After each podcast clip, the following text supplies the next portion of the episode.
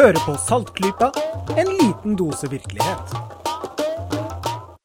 Da er vi klare med en ny episode av Saltklypa. Dette er episode 123. I dag er den 6. juli 2016, eh, og vi er eh, Ja, vi er nesten hele gjengen i dag, vil jeg vel gjerne si. Vi er f.eks. Jørgen er med.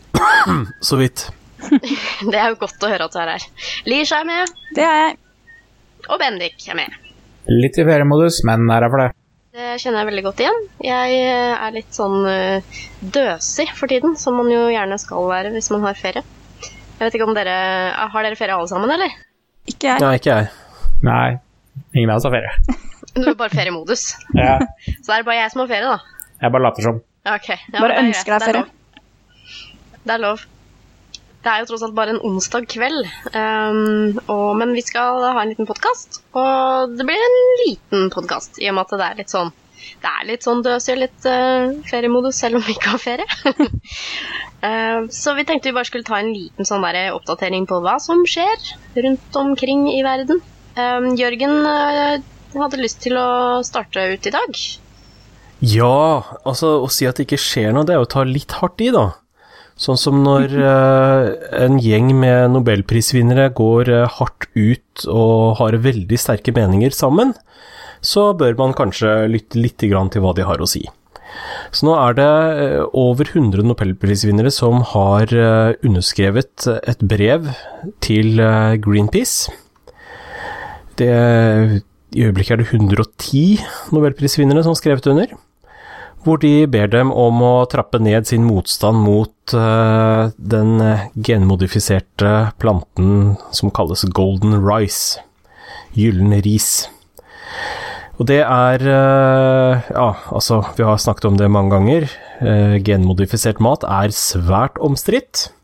Og stort sett så er det sånn at eh, det vitenskapelige miljøet er overveiende positiv til eh, GMO-er, og eh, naturvernere, og særlig eh, de som er for økologisk mat, er særdeles negative, og så blir det ordentlig skyttergravskrig av det. Og en svært aktiv deltaker i den skyttergravskrigen er Greenpeace, som har ganske mye mediemakt blir hørt, og står for veldig mye av den motstanden mot uh, særlig Golden Rice som man uh, hører om. Hvis du først begynner å google rundt etter dette temaet, så finner du svært mange tråder som leder tilbake til Greenpeace. Ja, for hva er det som er så bra med golden rice? Er, liksom, er liksom ikke risen vi spiser eh, bra nok? For uh, oss er den det, men Golden Rice er et forsøk på å rette opp et uh, stort problem i deler av den fattige delen av verden, nemlig A-vitaminmangel. Um, det er mange land hvor det er et kjempeproblem, og det leder til uh, alvorlige mangelsykdommer, hvor bl.a. blindhet er en av dem. Um, og det beste er jo da selvfølgelig å gi folk den maten de trenger for å ikke få mangelsykdommer. Og det kan gjøres på mange måter, og en foreslått løsning er å tilby en mat som erstatter den de allerede dyrker, som da har eh, nok A-vitamin til at det dekker behovet. Hæ, men kan ikke disse barna bare kjøpe seg litt eh, A-vitamintilskudd på apoteket? Ja, det var akkurat det, da. Vi snakker her om den fattigste delen av verden, hvor uh, særlig i en del asiatiske land, hvor man dyrker, dyrker veldig mye ris, og spiser da den samme risen, at hvis man bytter ut i hvert fall en del av den med denne nye genmodifiserte varianten som har uh, betakaroten, uh, som gjør den da gyllen, derav navnet gylne ris, så skal det dekke omtrent 40% av behovet for A-vitamin, mener forskerne. Og det som er interessant, er at denne gangen så er det ikke Monsanto eller et annet ondt, ondt firma som står bak. Det er eh, akademikere som har gått sammen. Altså det er eh, ikke kommersielt. Det er eh, driftet av ja, Nå har ikke jeg full oversikt over det, men altså det er ikke et firma som står bak. Sånn sett er ingen som skal tjene direkte på det. Uh, risen skal gis bort gratis, eller i hvert fall uh, uten noen uh, bindinger. Eh, det er bare hvis du får en produksjon over et visst nivå, så må man begynne å betale lisens, men i utgangspunktet så er det gratis, og man kan eh, spare på frøene og dyrke dem på nytt igjen, og alt sånt som eh, GMO ofte blir kritisert for. Eh, alt det er fritt for eh, fattige. Så i utgangspunktet er det en veldig, veldig, veldig positiv ting. Eh, problemet er at når det ikke er et stort multinasjonalt firma i ryggen for et sånt prosjekt, så er det litt vanskelig å drifte det økonomisk. For det kreves veldig, veldig mye forskning for å få til denne endringen. Og da dokumentere at det fungerer som det skal, og at det ikke er noen farlige virkninger av det. Sånn som med all annen eh, GMO, så må det testes veldig grundig. Og, og det koster masse, masse penger. Og det går treigt. Og det går desto treigere når eh, store internasjonale organisasjoner med ganske mye mediemakt sørger for å stikke kjepper i hjulene der de kan. Og det gjør Greenpeace. Og det er akkurat det som eh, disse nobelprisvinnerne ønsker å få en slutt på. Jeg syns det er ganske forkastelig at en eh, Altså en miljøvernorganisasjon i det hele tatt, som er så internasjonal og så for å redde verden, eh, i det hele tatt liksom ikke prøver å forstå dette her med, med Golden Rice. Hva er det de ikke stoler på her, lurer jeg på da. Altså, ja, altså de har jo en Kan jeg bare skyte inn det? Greenpeace det er jo ikke lenger en miljøvernorganisasjon, det er jo i stort monn eh, en sekt. Har det utviklet seg til gjennom mange år. Hvis man leser, og faktisk for en årrekke siden, så var det jo allerede det. Hvis man f.eks. leser eh, eller ser disse filmene og, som han avhopperen fra Greenpeace lagde om deres forhold til eh, hvaler og delfiner og alt det der, så er det jo ganske tydelig at uh, kritisk tenkning var ikke høyt på agendaen da, og det har vel ikke kommet noe høyere siden. Og det her er jo litt av faren da når man, mennesker samler seg i en organisasjon som fordi den får en del motgang, blir veldig lukket, og alle disse er utgangspunktet helt enige med hverandre. Da kan det fort vekk utvikle seg en del eh, si, uheldige tankemønstre. Jeg tror ikke Mm. det er lett å være Greenpeace-medlem og si at ja, Golden Rice høres ut som en kjempegod idé. Det tror jeg faktisk eh, ikke er taktisk. Jeg tror nok det er en ganske sterk indre justis på hva man har lov til å mene om sånne saker, ja. Uh, de oppgir jo en del grunner for hvorfor de er imot uh, GMO generelt, og også spesifikt Golden Rice.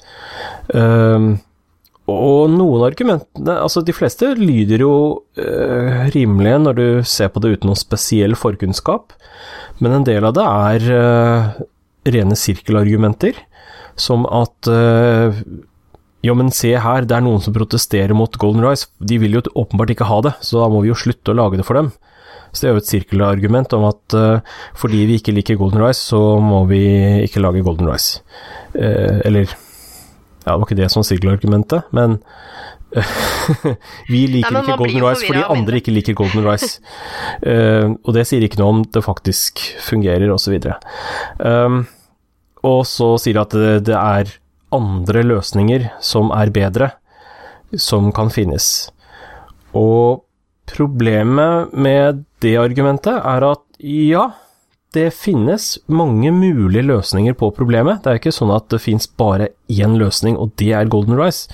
Eh, men da må man først få disse andre løsningene til å fungere, før man kan si at dette verktøyet skal vi ikke bruke. Å bruke flere verktøy for å løse et problem er jo bedre enn å basere seg på ett verktøy. Um, også en del sånne ting. Og så har de en del ting som for vanlige folk er veldig vanskelig å gå inn på, også for meg. Jeg har prøvd å sette meg inn i dette her nå de siste dagene, og det har vært eh, ganske vanskelig. Nettopp fordi nesten alle diskusjoner leder tilbake til Greenpeace. Veldig vanskelig å finne uavhengig informasjon som eh, kan bekrefte eller eventuelt avkrefte eh, Greenpeace sine påstander. De er veldig gode med dette her med å styre media og være den stemmen som blir hørt.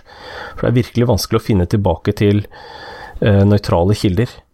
Poenget er at de er generelt veldig imot eh, GMO, genmodifiserte organismer.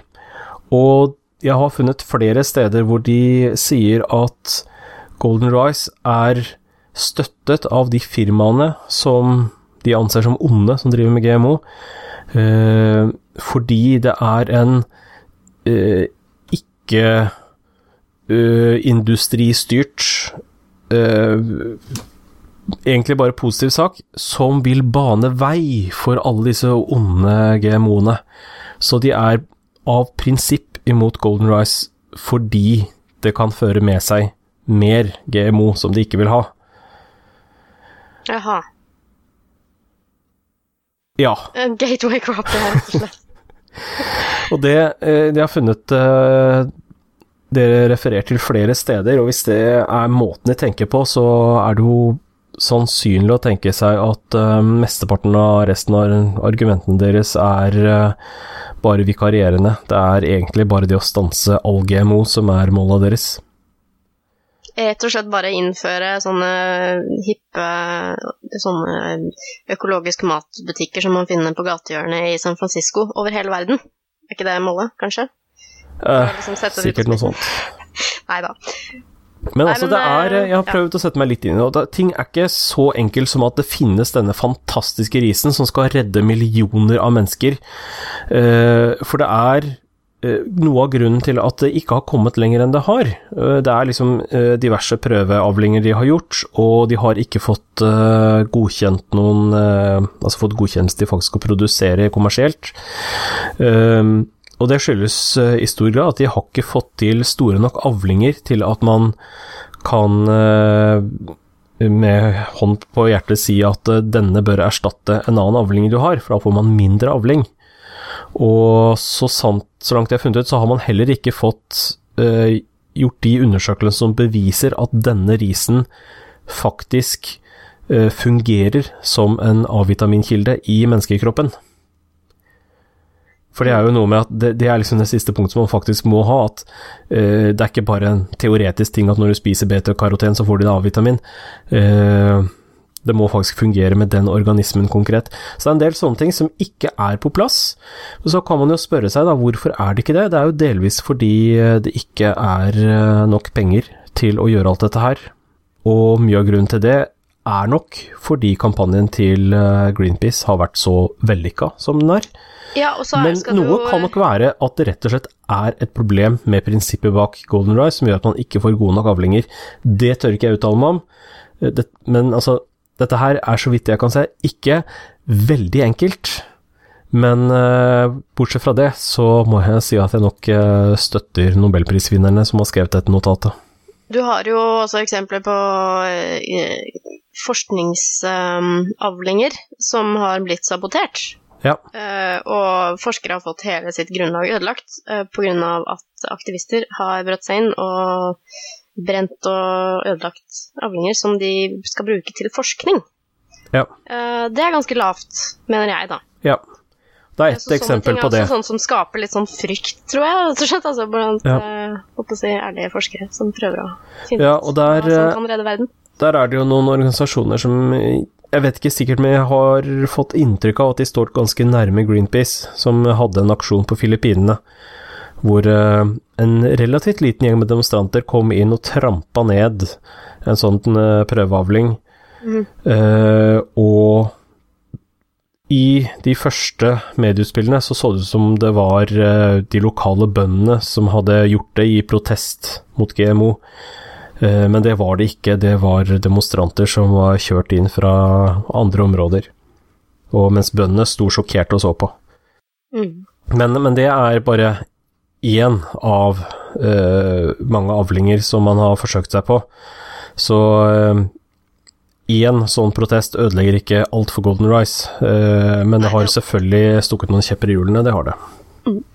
Men eh, du, Jørgen. Ja. ehm, kan vi stole på alle disse her eh, nobelprisvinnerne som kommer her og skal si at vi vet best? Er, liksom, er ikke det litt sånn eh, autoritetsappell? altså, vi har jo eksempel eh, eksempler på eh, nobelprisvinnere som er, eh, for å sette litt på spissen, ko-ko. Eh, for eksempel så har vi jo den norske, norsk-amerikanske Ivar Giæver, som er jo er en skikkelig klimafornekter. Ja, Eh, Linus Pauling jo, kan jo kanskje på mange måter sies å være den som gjorde at alle nå tror at C-vitamin hjelper mot forkjølelse. Ja. jo da. Sån, sånne ting. Så uh, uttalelser fra enkeltvinnere trenger jo ikke bety så veldig mye. Men når det er såpass mange som går sammen, så må man jo si at dette er noe man skal legge merke til. Og det er da ikke en haug med litteraturprisvinnere, det er primært de som er innenfor eh, naturvitenskapelige fag, Ja. relevante sådanne, som har signert her. Så dette mye her medisin og er kjemi har jeg sett. Ja. Ja. Så dette er eh, folk med tung faglig tyngde. Så Litt økonomi også, så jeg. Det hjelper Ja. også, kanskje. klart det er en appell til autoriteter, det er ikke noen tvil om det, men det er eh, Altså, det med å appellere til autoritet, det er ikke i seg selv en eh, logisk feil som gjør det ugyldig. Det er bare man skal være litt forsiktig med det, men når man har faktiske faglige autoriteter, så bør man lytte til dem. Og når man kan lett eh, Altså, nå sier jeg lett, da, men eh, hvis, med litt lesekunnskap så kan man også finne ut at det de sier, har fakta bak seg. det hjelper også veldig på argumentet Ja. deres. Ja. Absolutt. Nei, jeg ville bare være litt sånn djevelens advokat her. Ja, men det er fint. Da får vi Ja. Det er alltid greit å ta opp noen sånne temaer om tankefeil og så videre, så det er fint. Ja. Nei, men eh, bra. Eh, De sier jo det på slutten av dette Jeg leser jo dette her support... Eller oppropbrevet de, de har skrevet her, eh, som vi skal lenke til. Så gjør de en liten sånn følelsesmessig appell på slutten der, så sier de at How many poor people in the world must die before we consider this a crime against humanity? Sier de, så vi vet ikke om dette vil ha noen innvirkning på det Greenpeace gjør, men kanskje det vil få et par ekstra hoder til å tenke. Eh, Jeg har jo sett hva den kommentaren har ført til av reaksjoner fra de som er sterkt motstandere av GMO. For de føler seg nå beskyldt for å være massemordere, hele gjengen. Ja, selvfølgelig gjør de det. Ja. Nei, men godt. Vi eh, kunne snakket i timevis om GMO, men jeg tør ikke, fordi jeg, har, jeg føler jeg ikke vet nok. Um, jeg, det eneste jeg vet, er at jeg lener meg sterkt mot det vitenskapelig konsensus sier om saken. Så det hadde vært kult å få med noen, eh, noen eh, smartinger som kunne opplyse oss om litt argumenter for og mot og sånn en gang. Hvis noen mener at eh, vi er helt på villspor, så skriv gjerne inn til oss. Veldig, veldig glad for det blir vi. Mm. Det var det. Du, Jørgen, sa også før sendingen i dag at Kristin, du har sikkert noen romfartsnyheter, sa du. Ja. Eh, Det sier vi alle, stort sett. Ja, stort sett det noen ganger. Store eller mindre. Nei, eh, jeg tenkte bare jeg skulle ta en liten morsom sak her, fordi um, nå maste jeg jo forrige gang om uh, romsonden Juno, uh, som var på vei til Jupiter. For uh, som om ikke planeten Jupiter hadde nok måneder fra før, så ville jo vi mennesker at den skulle få en til. Eh, Juno er da NASAs siste romsonde, som jeg skrev. Eh, de siste fem årene så har den brukt uh, usedvanlig fancy rakettforskermanøvre på å falle mot planeten. eh, på en sånn måte at den akkurat ikke krasjer, og i stedet går inn i en bane rundt den. Um, Juno sin oppgave er jo, som tidligere nevnt, å få et innblikk i eh, hvordan Jupiter er sammensatt, og finne ut hvordan det ble dannet. Eh, man vet f.eks. ikke om planeten ble dannet fra, bunnen og opp, med sånn lag på lag av sammensmelting av objekter, eller fra toppen og ned, sånn f.eks. at den kan rett og slett bli dannet direkte fra gasskiven rundt den unge solen da, fra mange milliarder år siden. Sånne ting kan man eh, forsøke å finne ut nå, og den kom jo fram. Og det ble veldig kult, og applaus som vanlig, og egen Google Search-logo, og veldig, veldig bra. Alle de viktige tingene på plass. Ehm, men eh, det morsomme her da handler jo litt om hvorfor de har kalt sonden sin for Juno. Er det noen som vet det? Det er jo en gudinne. Er En romersk gudinne. en gudinne. ja. ja. Hun står litt i eh, jeg håper å si, slektskap til, til Jupiter selv. Eh, For Marit, da, som ikke er her i dag, hun eh, jobber veldig flittig i kveld, så hun kunne ikke være med. Eh, Hun opplyste meg i går om eh, litt om hvor perverst dypt NASA sin sans for ordspill egentlig går. Eh, Via en link hun delte på Facebook, eh, som er fra The Daily Dot som vi skal lenke til. Eh, Jeg bare synes den var veldig morsom. Jupiter er jo da først og fremst oppkalt etter den romerske hovedguden, kan man si. da, som, Og den, han regnes også ekvivalent med greske Sevs. Så man kan man kan si litt sånn om hverandre om de to, da. Og så er det jo de fire største månene til Jupiter, som også kalles de galileiske månene, siden det var de som Galileo oppdaget med kikkerten sin.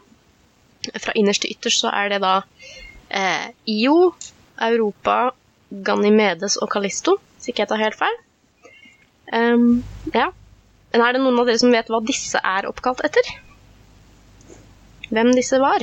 For det er jo også mytologiske navn, da. Eh, Jeg gjetter på at de også er eh, romerske eh, mytologiske skikkelser. Ja. Greko-romerske kan man kanskje kalle det. De er litt sånn om hverandre, som sagt. Jo, de fire, og også flere av de andre månedene til Jupiter Han har jo en drøss med måneder. Altfor mange. De er jo da oppkalt etter Jupiters eller Sevs, altså ettersom hvordan man blander sammen eh, sine elskerinner. Og Juno, det var kona til Jupiter. Aha. Så eh, han eh, kom seg rundt, for å si det sånn. Gude, sånne lille- sånne kong, gudenes kongetyper. De, Ja. de gjør ofte det, har jeg lagt merke Ja. til. Det skal også sies at eh, Juno muligens også var søsteren til Jupiter, men det er litt sånn. Ja. var ikke han som gjorde seg om til en svane for å få føre en dame? Han gjorde mye rart. Jeg er ikke ekspert på, på det. Eller var det Sevs? Ja, Han Sevs i hvert fall. Sevs Ja. i hvert fall, han skapte seg om på et eller annet tidspunkt til et uh, regn av gullmynter. Gjør han det? Og i den skikkelsen klarte han da å forføre en eller annen uh, åpenbart ikke altfor intelligent ung frøken. En uh, gold digger, Ja, det Det- kan man si. det- Det, her satte en presedens, altså. Ja, og det, nå skal vi høre, skjønner du. For eh, ifølge denne lille notisen på The Daily Dot, eh, som baserer seg på noen nerdete Reddit-folk som har vært ute og gravd i mytologien, eh, så er det ikke bare sånn at eh, NASA sier at nå skal Juno besøke Jupiter for å avsløre at han er utro. Liksom. Det, det i seg selv er jo ganske kult. Um, nei, de har gått enda litt eh, dypere inn i mytosen enn som så, for i eventyrene så heter det da at Jupiter eh, han visste godt at Juno hadde fått nyss om utroskapen hans. Så dermed så forsøkte han å skjule sine gjerninger bak en sky. Eh, men Juno var ikke så dum, for så fort eh, at hun så at en eller annen sky drev og holdt på med Io, f.eks., så bare blåste hun skyen bort for å avsløre at det var mannen hennes som skjulte seg bak. Aha. Og hva er det romfartøyet Juno skal? Jo, det skal titte gjennom Jupiters skylag for å avsløre hva som virkelig skjuler seg under overflaten. Åh. Vi, altså, jeg tar bare av meg hatten, jeg, for NASA. Og gratulerer dem med nok en vellykket romferd. Og ønsker dem lykke til med telemetrien og forskningen som følger de neste årene. Oh, ordentlig drama i verdensrommet. Supert. Jeg liker det. Jeg liker det veldig godt.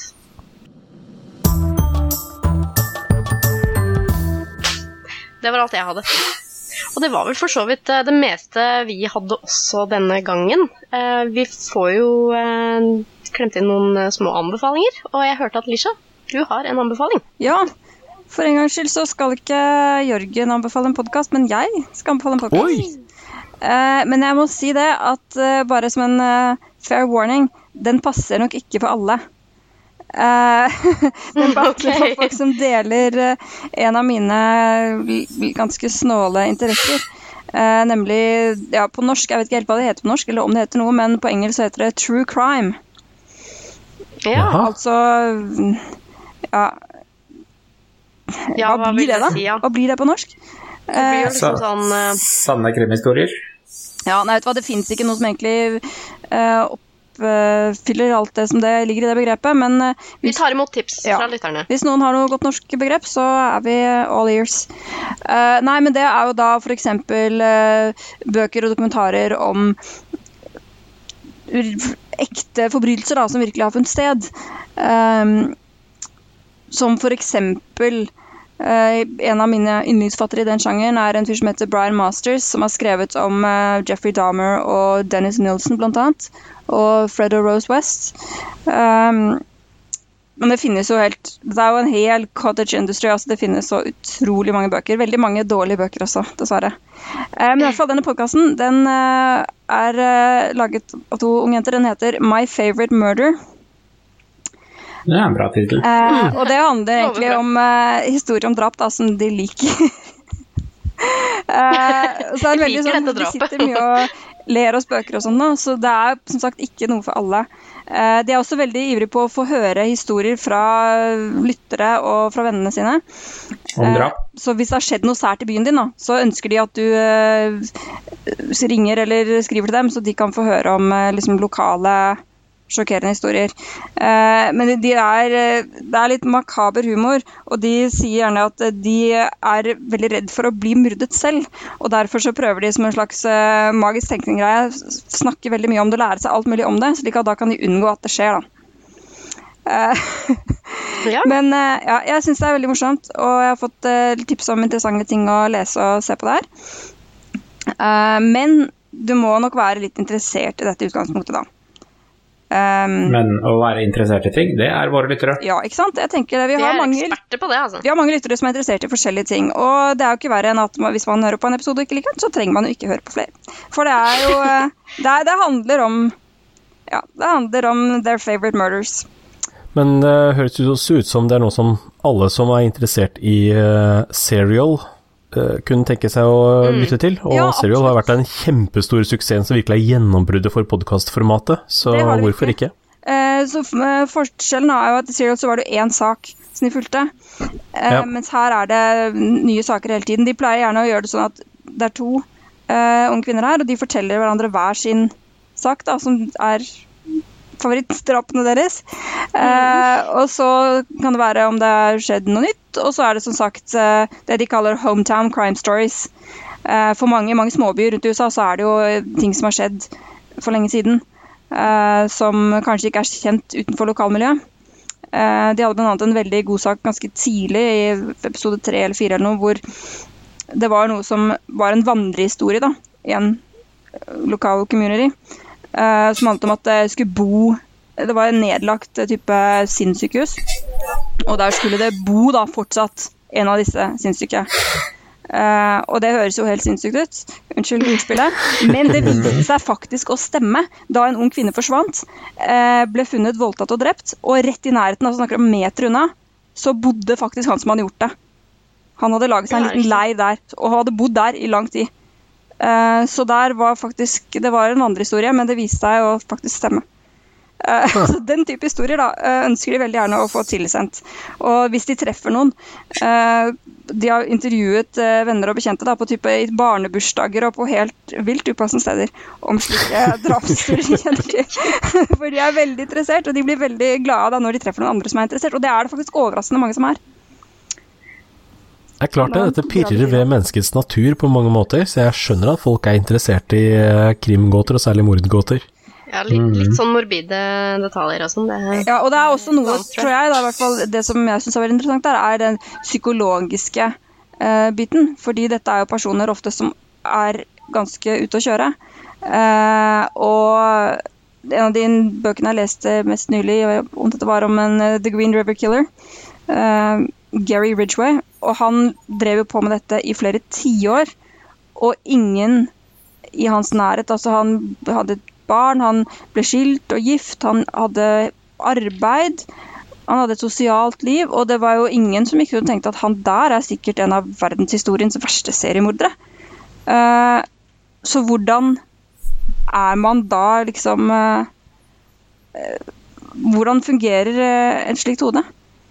Mm. Det er jo mye det som True Crime prøver å grave litt i, da. Uh, og det er veldig vanlig at man snakker med, om ikke gjerningsmannen selv, de er jo ofte ganske tungt bevoktet, uh, så at man snakker med uh, law enforcement, vitner, pårørende. Og en del law enforcement skriver jo bøker selv også. Og de kan ofte være veldig interessante. Om ikke nødvendigvis så godt skrevet. Det er en grunn til at man blir politi og ikke forfatter, for å si det sånn. Men i hvert fall, det jeg vil anbefale My Favorite Murder. Den finner man på feralaudio.com. Men det er bare å google My Favorite Murder, så kommer det opp. Ja. Så er det, Men vi kan putte en link i eh, notatene også, så ja, det gjør vi selvfølgelig. for de som er litt sånn, litt sånn som meg, litt sånn lat og sånt, så kan man eh, få en sånn direkte kanal dit. En såkalt hyperlenke. Eh, Jeg vil helt på tampen anbefale Jeg, jeg driver jo og arrangerer slike skeptikertreff sammen med Marit og noen flere. Og eh, vi planlegger nå det neste skeptikertreffet eh, med skeptikere på puben Oslo 21. juli, så det kan jo noteres. Så kommer det litt flere detaljer utover uka, så muligens vi kan ha en litt mer fyldig lenke til dere der i notatene våre når denne episoden kommer ut. Ja. Uh, ja, det var det. Det ble en sånn liten hyggelig sommerhilsen uh, denne gangen. Det kan ikke være like langt hver gang. Er ikke det greit, da? Det er bedre at vi har en uh, episode med litt innhold enn å drite i det. For oss Ja. det. Ja, hvis ikke dere lyttere glemmer oss bort, for det vil vi jo ikke. Nei, nei, nei. Og som sagt eh, så er vi i full gang med å romstrere rundt i arkivene våre, så da kommer det noen snacks fra gamle, gamle dager etter hvert også, som dere kan høre på. Det gleder vi oss veldig til. Eller det vil si, jeg gleder meg jeg liksom gleder, mm. grugleder meg litt til å høre på den fine lydkvaliteten og sånn den gangen. Ja, De men, fine samtalene våre. men hvis du syns lyden er dårlig, så kan du jo bli glad da, for at vi har forbedret oss, og det har blitt eh, en forbedring. Så det må jo se det sånn. Absolutt. Ja. Så da eh, satser vi på vi- at vi ruller videre som vanlig eh, hvis ikke noe annet skjer. Eh, så for nå så sier vi eh, ha det bra for øret, folkens. Ja. Ha det, ha det. God sommer, alle sammen. På gjenhør. Så snakkes vi plutselig. Saltklypa lages av Kristin Lisha, Jørgen og Bendik. Har du spørsmål, anbefalinger, ris eller ros, send det til post at saltklypa.no, eller finn oss på Facebook. Lenker til alt vi har snakket om i episoden finner du på saltklypa.no, hvor du også kan abonnere på podkasten for å få hver episode levert på døra helt gratis. Takk til Smart 9000 fra Evig poesi som har laget kjendismelodien vår.